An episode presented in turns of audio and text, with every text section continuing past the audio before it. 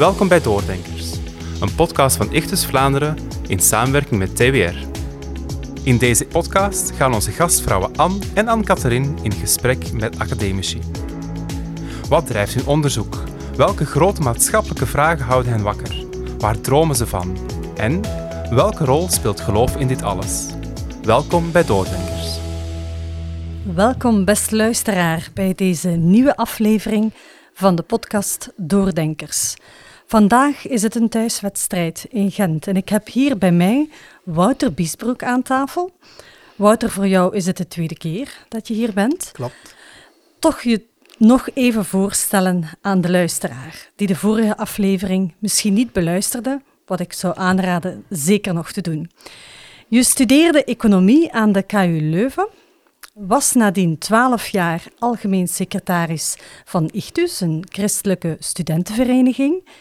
Je ging dan opnieuw studeren aan de faculteit Theologie en Religiewetenschappen aan de KU Leuven en je deed daar een doctoraat over theologie van de interreligieuze dialoog, waarin je een katholiek, een gereformeerd en pinkstertheoloog bestudeerde.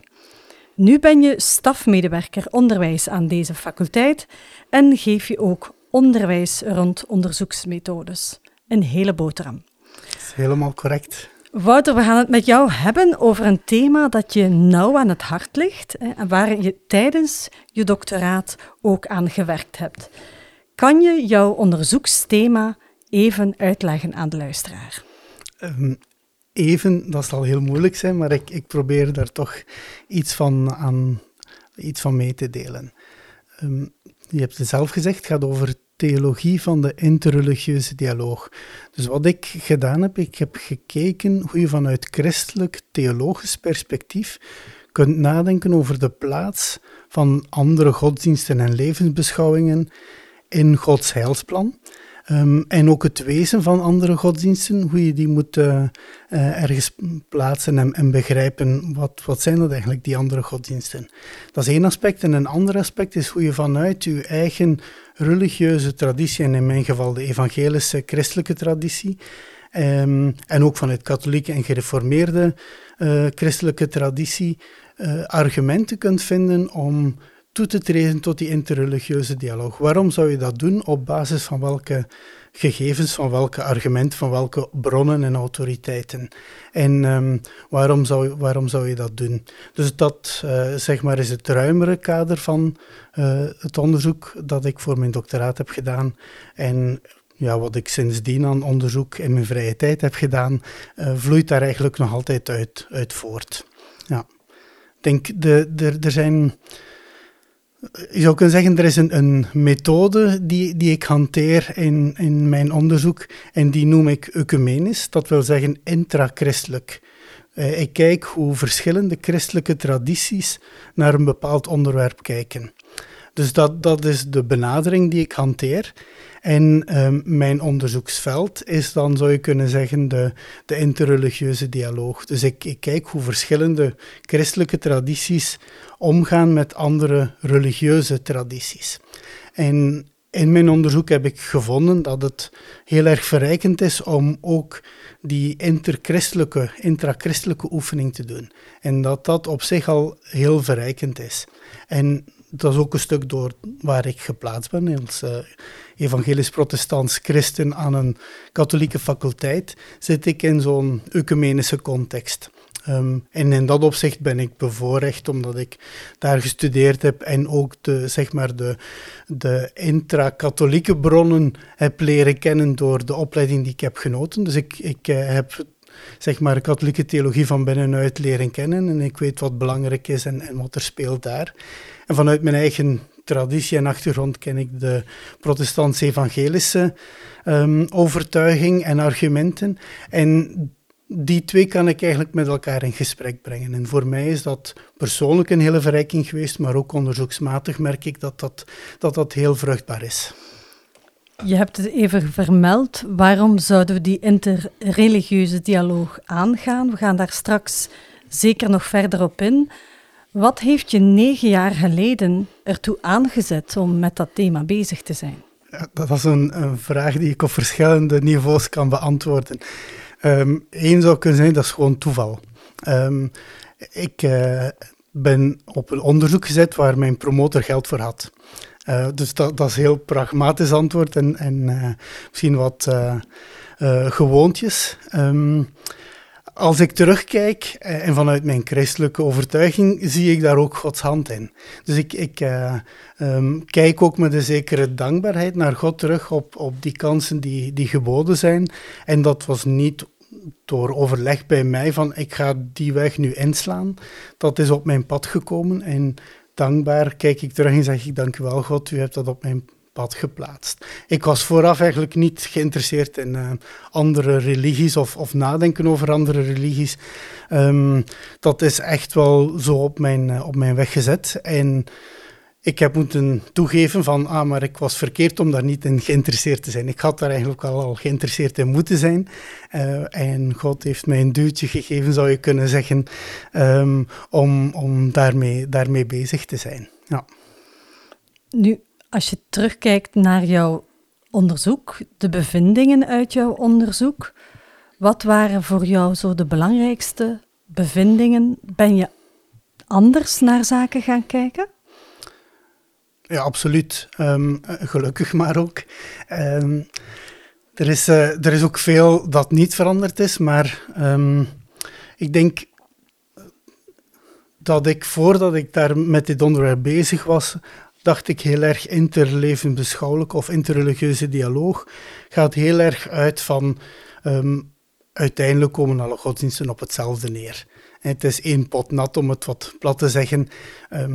je hebt. Uh, um, verschillende manieren waarop dat, dat uh, tot uitdrukking komt. En dat is, dat is vaak een, heersende gedachte. Dat is de gedachte die we het, uh, pluralistisch gedachtegoed noemen. Van uiteindelijk komt het allemaal op hetzelfde neer. Het beeld dat je kan gebruiken is van de verschillende godsdiensten zijn verschillende paden op eenzelfde berg die naar dezelfde top leiden.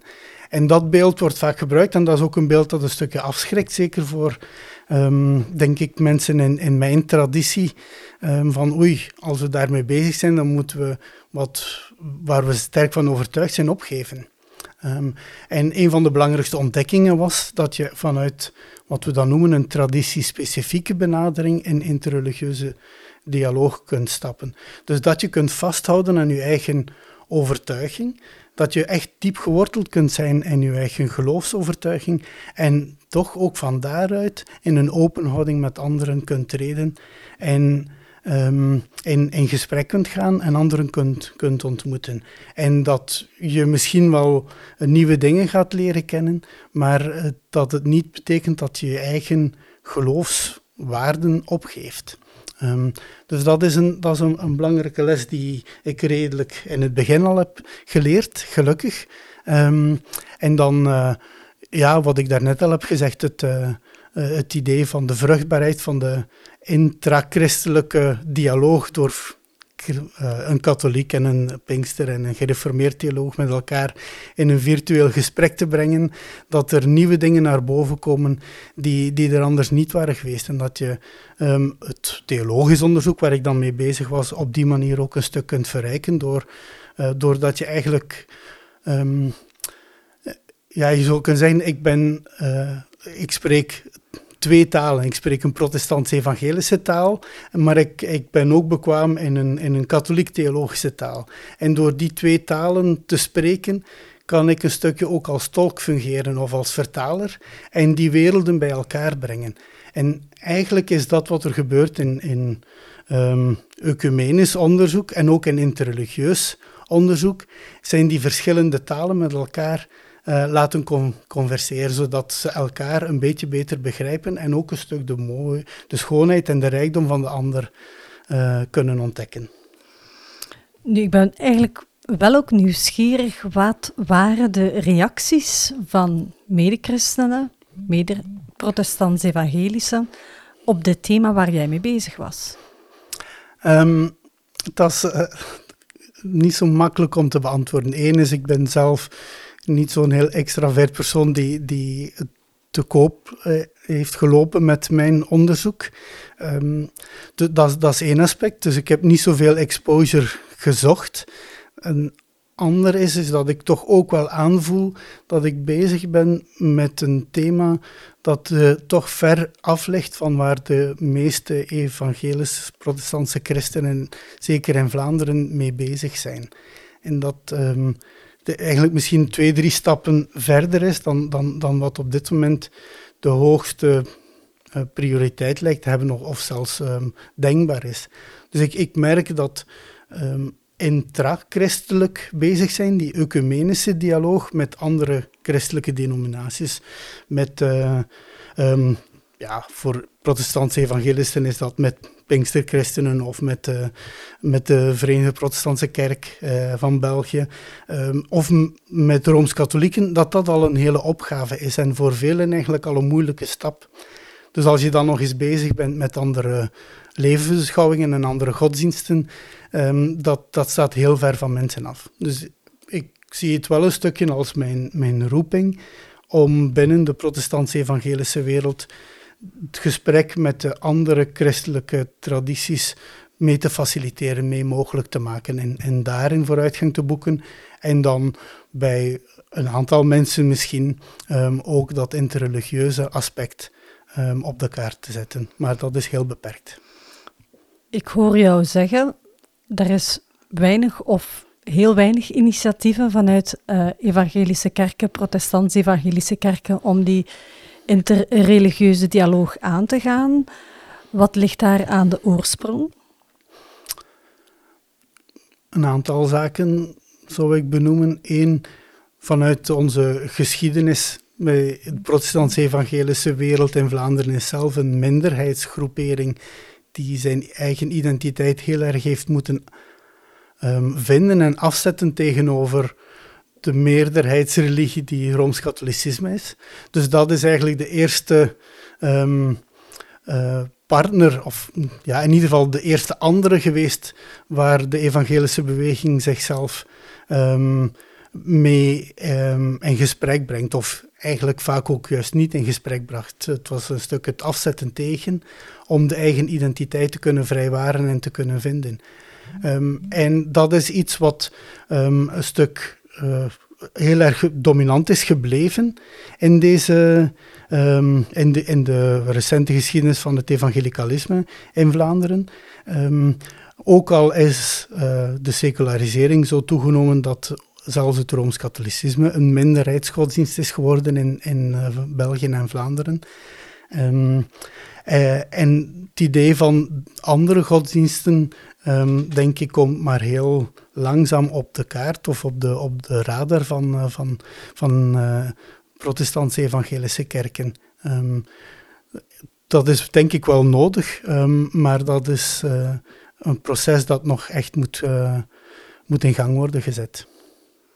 Dus dat is één element.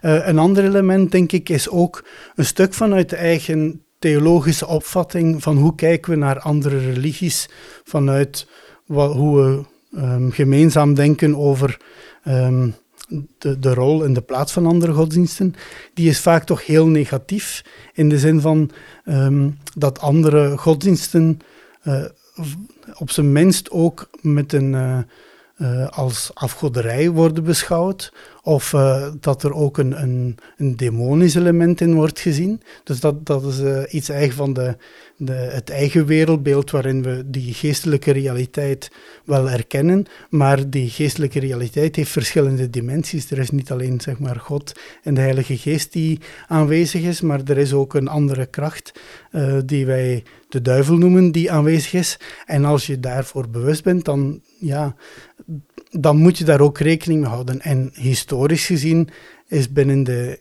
evangelische theologie is dat element uh, sterker benadrukt en is dat wat uh, ook een stuk vrees opwekt om met mensen van andere religieuze tradities in gesprek te gaan, want die zijn in het beste geval hebben die niks met de waarheid te maken, maar in het slechtste geval uh, staan die onder de invloed van de boze. En dan is het natuurlijk heel lastig om in een dialoog te gaan. Is het dan, getuigt het een beetje van een vorm van pretentieusheid om te zeggen van goed, wij hebben de waarheid in pacht? Ja, ehm, daar, daar zijn ook weer, weer verschillende aspecten aan. Ik heb zelf geleerd om te zeggen, niet ik heb de waarheid, maar, ik, maar de waarheid heeft mij. Um, en en die, die insteek is voor mij wel belangrijk geweest om uh, de hoogmoed um, die we gemakkelijk kunnen hebben vanuit onze ervaring, die, um, die, die goed is. Hè, van we hebben Jezus gevonden, we hebben het evangelie leren kennen. Die, die religieuze ervaring van, van God te zien werken in uw eigen leven en, bij, bij medebroeders en, en zusters, uh, kan gemakkelijk leiden tot het idee van uh, ik heb gelijk en de ander heeft dan per definitie ongelijk.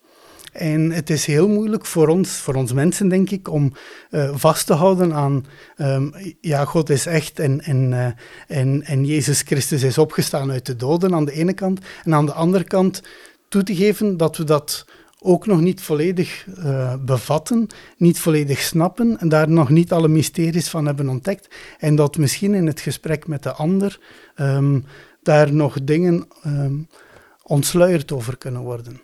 Ik wil even inzoomen op die interreligieuze dialoog. Je hebt daarnet gezegd, je hebt de intra-religieuze dialoog, hè, waar je op het ecumenisch verhaal komt, wat al geen evidentie is. Laat staan dan de interreligieuze dialoog met ja, denominaties buiten het christelijk verhaal. Ja, hoe kijk jij daarnaar? Hoe ver moeten we daar gaan? Zijn daar grenzen aan? Ja, dat uh, zal voor ieder persoon weer, weer verschillen. En ik denk dat wij als kerk zeker uitgedaagd worden en uitgenodigd worden om uh, in dialoog te gaan. Maar dat betekent niet dat elke individuele gelovige daartoe geroepen is. Um, er zijn ook heel verschillende niveaus of, of vormen van, van dialoog denkbaar. Ja, er, er is een, een, eh, een eenvoudige uh, driedeling die, die gehanteerd wordt. Die spreekt van de dialoog van het hoofd, de dialoog van de handen en de dialoog van het hart. En um, ik zal dat kort even toelichten, maar sommigen zijn misschien geroepen voor de dialoog van de handen. Dat is waarin um, gelovigen vanuit verschillende levensbeschouwingen samenwerken in, concrete projecten, bijvoorbeeld in hulpverlening. Als we Oekraïense vluchtelingen verwelkomen, dan kunnen wij dat als evangelische christenen samen doen met rooms-katholieke gelovigen en met, uh, met mensen uit, uh, uit de boeddhistische levensbeschouwing en met vrijzinnig humanisten. Um, dat is de dialoog van de handen. Daar, daar kunnen wij um, vanuit onze eigen overtuiging weliswaar, maar wel samenwerken omdat we zien van oké, daar kunnen we verschil maken. Je hebt de dialoog van het hart, dat gaat dan veel meer over de, de spiritualiteit die je kunt delen. Het, voorbeeldje waar ik aan denk is van, uh, je hebt misschien een, een moslim-collega die... Um, in de Ramadan zit. En, en jij kunt vanuit je eigen ervaring als christen, uh, ervaring van vasten, um, in gesprek gaan met um, die moslim of moslima uh, en vragen van, ja, hoe is het voor jou vasten? Waarom vast jij? Um, wat is daarin belangrijk? En, en vanuit je eigen spirituele ervaring eigenlijk ook een dialoog hebben op dat vlak. Dus dan zou je kunnen zeggen, is dialoog van het hart.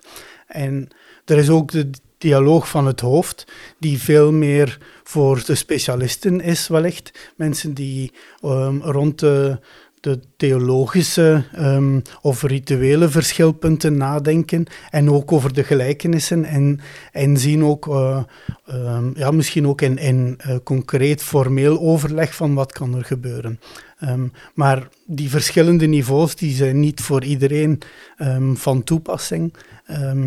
En ook niet voor iedereen uh, in elk moment van zijn of haar leven. Ja. Je hebt nu mooi helder geschetst op welke manier die dialogen vorm kunnen krijgen. Maar wat is voor jou het doel van die dialogen? Wat hoop je daarmee te bereiken? Misschien voor anderen, misschien heeft het ook jou persoonlijk een aantal zaken ja, bereikt in jouw leven. Ja.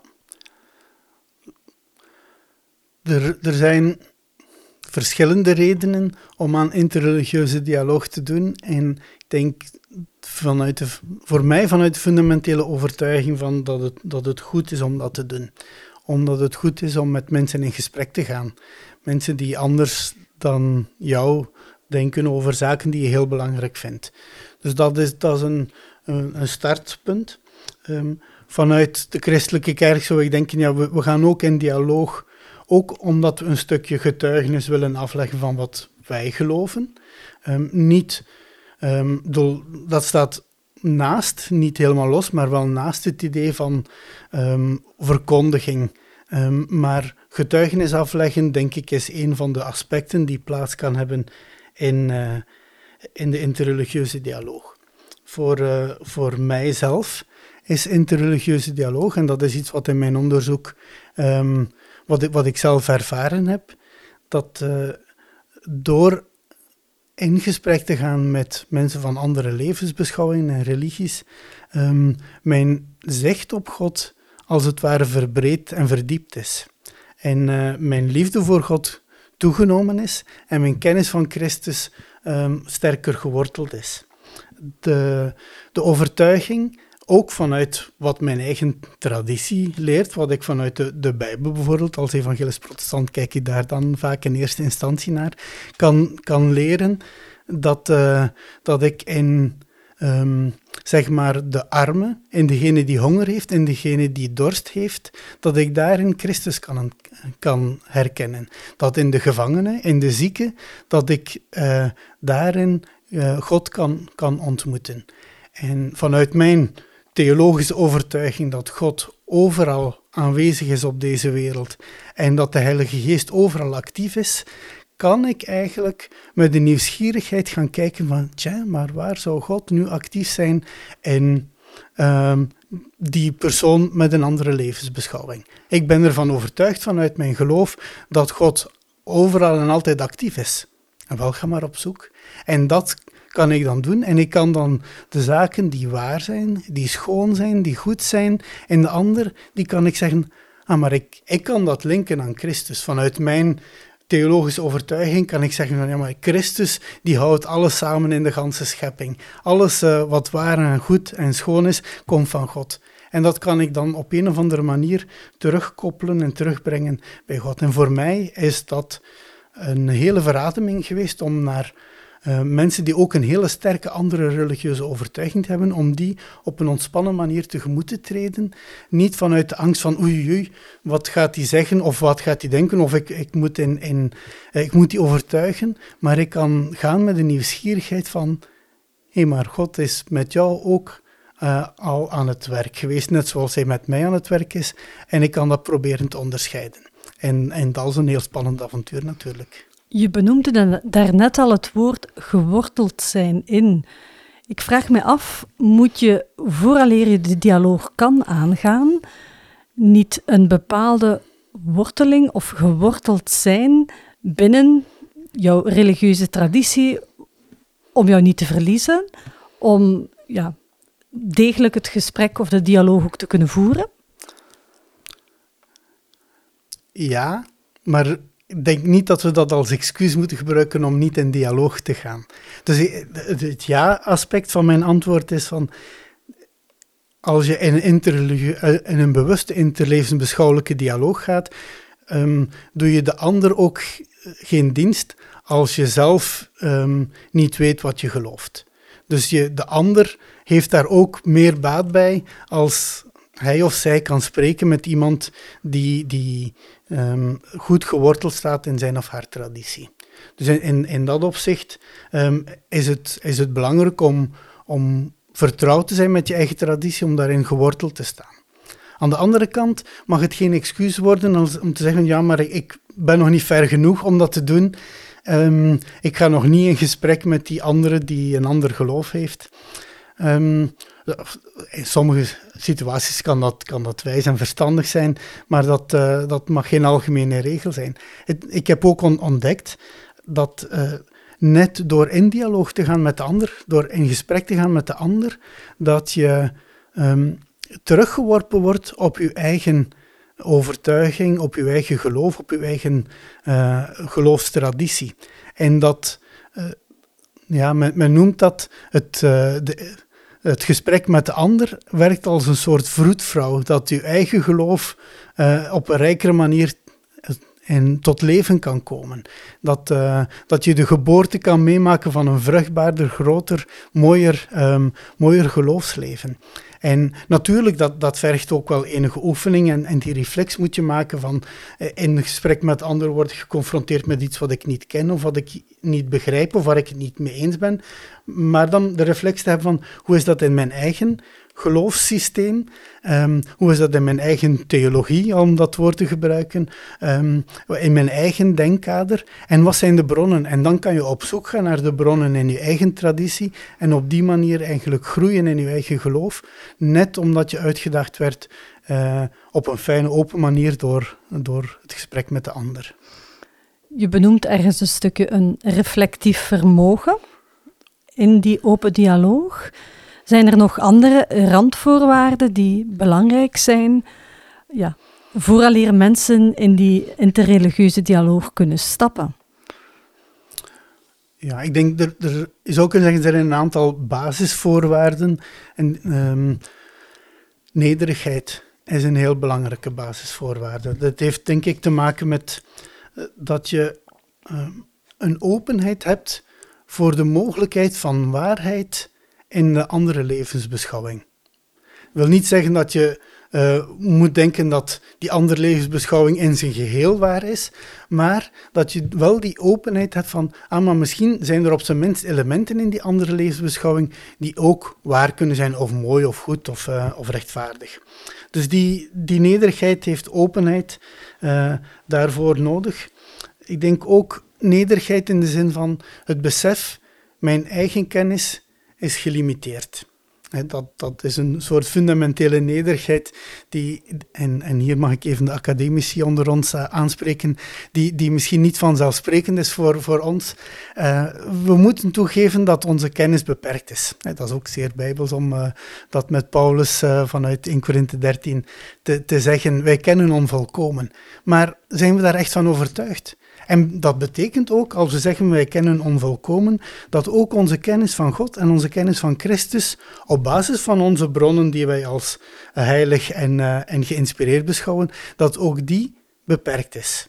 En dat is misschien door onze beperktheid of door onze zondigheid, maar hoe dan ook, dat is een beperking. En als we die erkennen, dan is er op zijn minst een mogelijkheid dat in een gesprek met de ander dat we iets kunnen bijleren.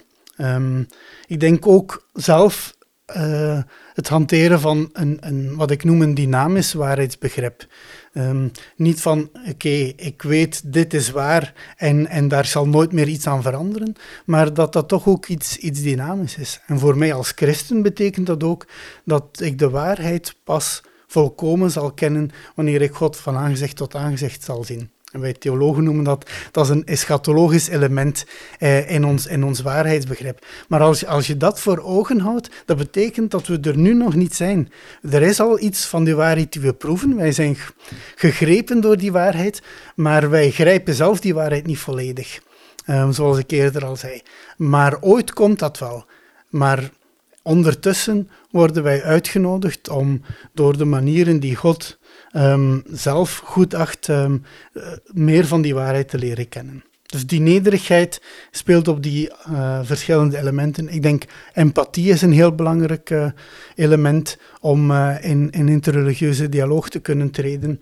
Um, ja, die, die geworteld zijn in de eigen traditie. Dat engagement voor de eigen traditie is een belangrijk element. En dan ja, gastvrijheid is misschien een overkoepelende term. Een soort van vrijgevigheid, gasvrijheid, openheid naar de, naar de ander, om in de ander, um, ja, om, om zowel gast als gastheer te kunnen zijn of gastvrouw te kunnen zijn voor de ander. En, en uh, ja, het, het, beeld van, van de maaltijd um, vind ik daarin wel, wel heel mooi. Je, je bent zowel uh, in de interlevensbeschouwelijke dialoog gastheer of gastvrouw. Je, je verwelkomt de ander, maar je bent op hetzelfde moment ook gast. Je wordt ook verwelkomd door de ander. En het is die wisselwerking die van een interreligieuze dialoog ook iets heel, heel krachtigs kan maken.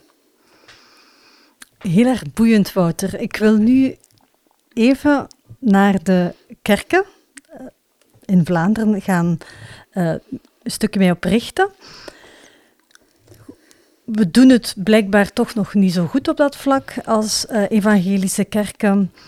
Zijn er positieve signalen die jij opmerkt, maar die we misschien nog niet zien? Initiatieven die gebeuren? Ja, er gebeurt zeker al wel wat. Ik denk aan uh, vanuit de erkende levensbeschouwingen in België en in Vlaanderen is er um, structureel um, samenwerking. Dat is, dat is op het niveau waar de meeste um, gelovigen vanuit de kerk niet uh, rechtstreeks of zelfs onrechtstreeks bij betrokken zijn. Dat is van uh, de vertegenwoordigers van de denominatie en de voorzitter van um, de Evangelische Alliantie of Federale Synode, die, die zijn op, op dat vlak actief. En, en dat is iets heel moois en goed. De, ja, de relaties met de overheid, met de um, Vlaamse minister van Binnenlands Bestuur, met de minister van Justitie op federaal vlak, die, um, die, die relaties die, die zijn daar. Een soort in, interlevensbeschouwelijke dialoog van de erkende levensbeschouwingen, dat gebeurt. Dus dat, dat is heel, heel mooi. Maar dat vertaalt zich, of dat, daar zie je heel weinig van op het lokale uh, vlak van, van de denominaties of de lokale kerken. Um, er is een ander initiatief dat ik hier zeker ook graag wil, wil vernoemen, omdat ik er ook bij betrokken ben en omdat ik er ook uh, grote fan van ben. Dat is um, Emuna. Dat is een interlevensbeschouwelijke leiderschapsvorming die um, in Frankrijk is gestart na de aanslagen op uh, Bataclan in, uh, in 2016. En daar heeft een vrouwelijke rabbijn in Frankrijk dat initiatief genomen om de vertegenwoordigers van de verschillende godsdiensten samen te brengen en om ook naar leiders van de verschillende levensbeschouwing een stuk te trainen in um, ja, omgang met, uh, met de andere levensbeschouwingen. En dat is iets wat, wat succesvol is en wat overgenomen is geworden in België en in Nederland. En we hebben net uh, afgelopen woensdag de eerste cyclus in Vlaanderen afgerond met uh, een vijftiental studenten, zeg maar, ja, leiders uit verschillende levensbeschouwingen die daarin vorming hebben gekregen. Dus dat is heel concreet wat er, wat er al gebeurt. En ik denk verschillende kerken zijn ook op, uh, op lokaal vlak niet alleen ecumenisch intrachristelijk, maar uh, op sommige concrete hulpverlenings... Uh, actie, bij concrete hulpverleningsacties betrokken in een meer interreligieus ehm, netwerk. Maar ik ben daar zelf niet heel goed van op de hoogte van wat er gebeurt. Ik vermoed dat dat nog zeer gelimiteerd is. In ons voorbereidend gesprek van Immuna had je ook een aantal heel concrete projecten die daar de revue gepasseerd zijn, die ik zelf wel heel bijzonder en inspirerend vond. Ja, dat is, dat is wel leuk om, om te vertellen. Een van de um, zaken die in die opleiding um, gebeurt, is dat er uh, de deelnemers worden in groepjes opgedeeld en die moeten dan een bepaald project uitwerken. En, uh, en dat dan ook voorstellen en in de mate van het mogelijk ook realiseren. Dus niet alleen bedenken, maar in de mate van het mogelijk realiseren. En er waren drie groepjes. En één groepje heeft gewerkt rond een interlevensbeschouwelijk kookboek. Um, waarin recepten vanuit de verschillende levensbeschouwingen aan bod komen. En het idee is dat dat ook effectief zal gepubliceerd worden. En dat er aan de ene kant van de deelnemers van Immuna recepten komen. Aan, en dan heb je recepten en dan wordt er ook een, een, een, beeld of een tekst of een gedicht of een gebed um, die daar misschien verband met dat uh, recept houdt, uh, komt dan ook in het boek terecht. Um, en het idee is ook dat er een aantal van de voormannen en vrouwen van de, van de verschillende levensbeschouwingen aangesproken, aangeschreven zullen worden en dat die hun recept uh, mee zullen delen samen met een gebed of een, uh, of een tekst of een foto. Dus dat is een van de, van de mooie projecten waar ik zeker naar uitzie.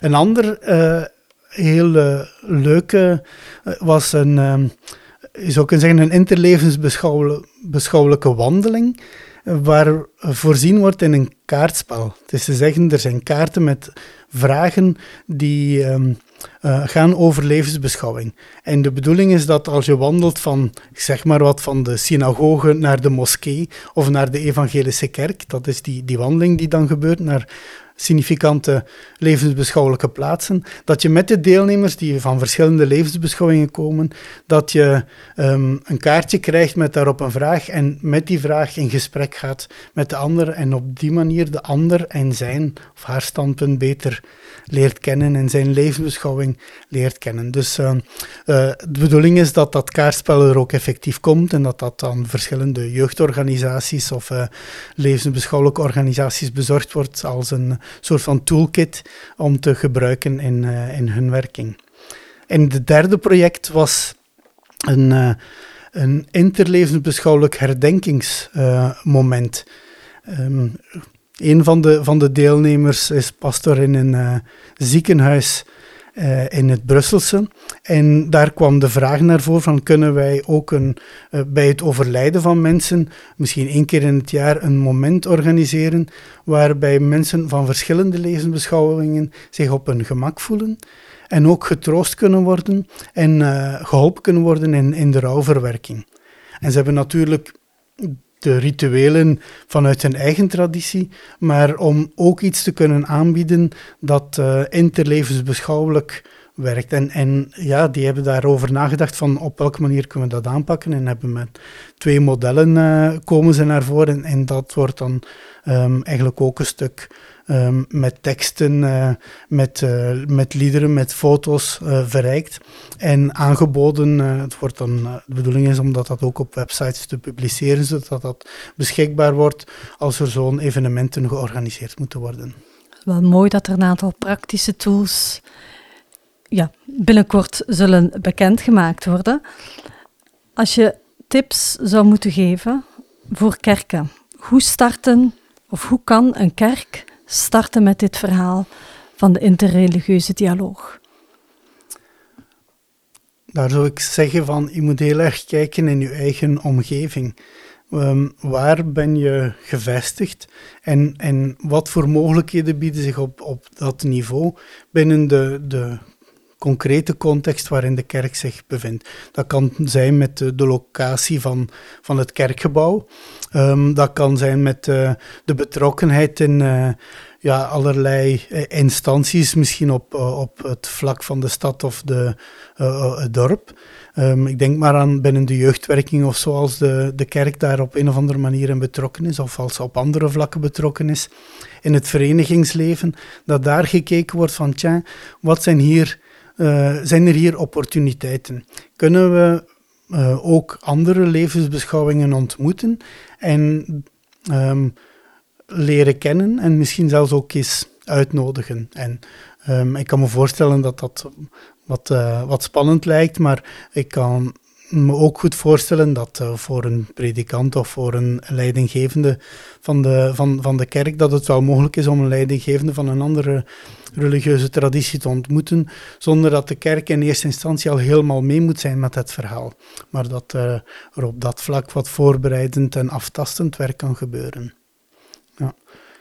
Ik denk zelf ook uh, aan Ichtus, de uh, christelijke studentenvereniging, waar ik een uh, groot hart voor heb en, en vroeger voor gewerkt heb.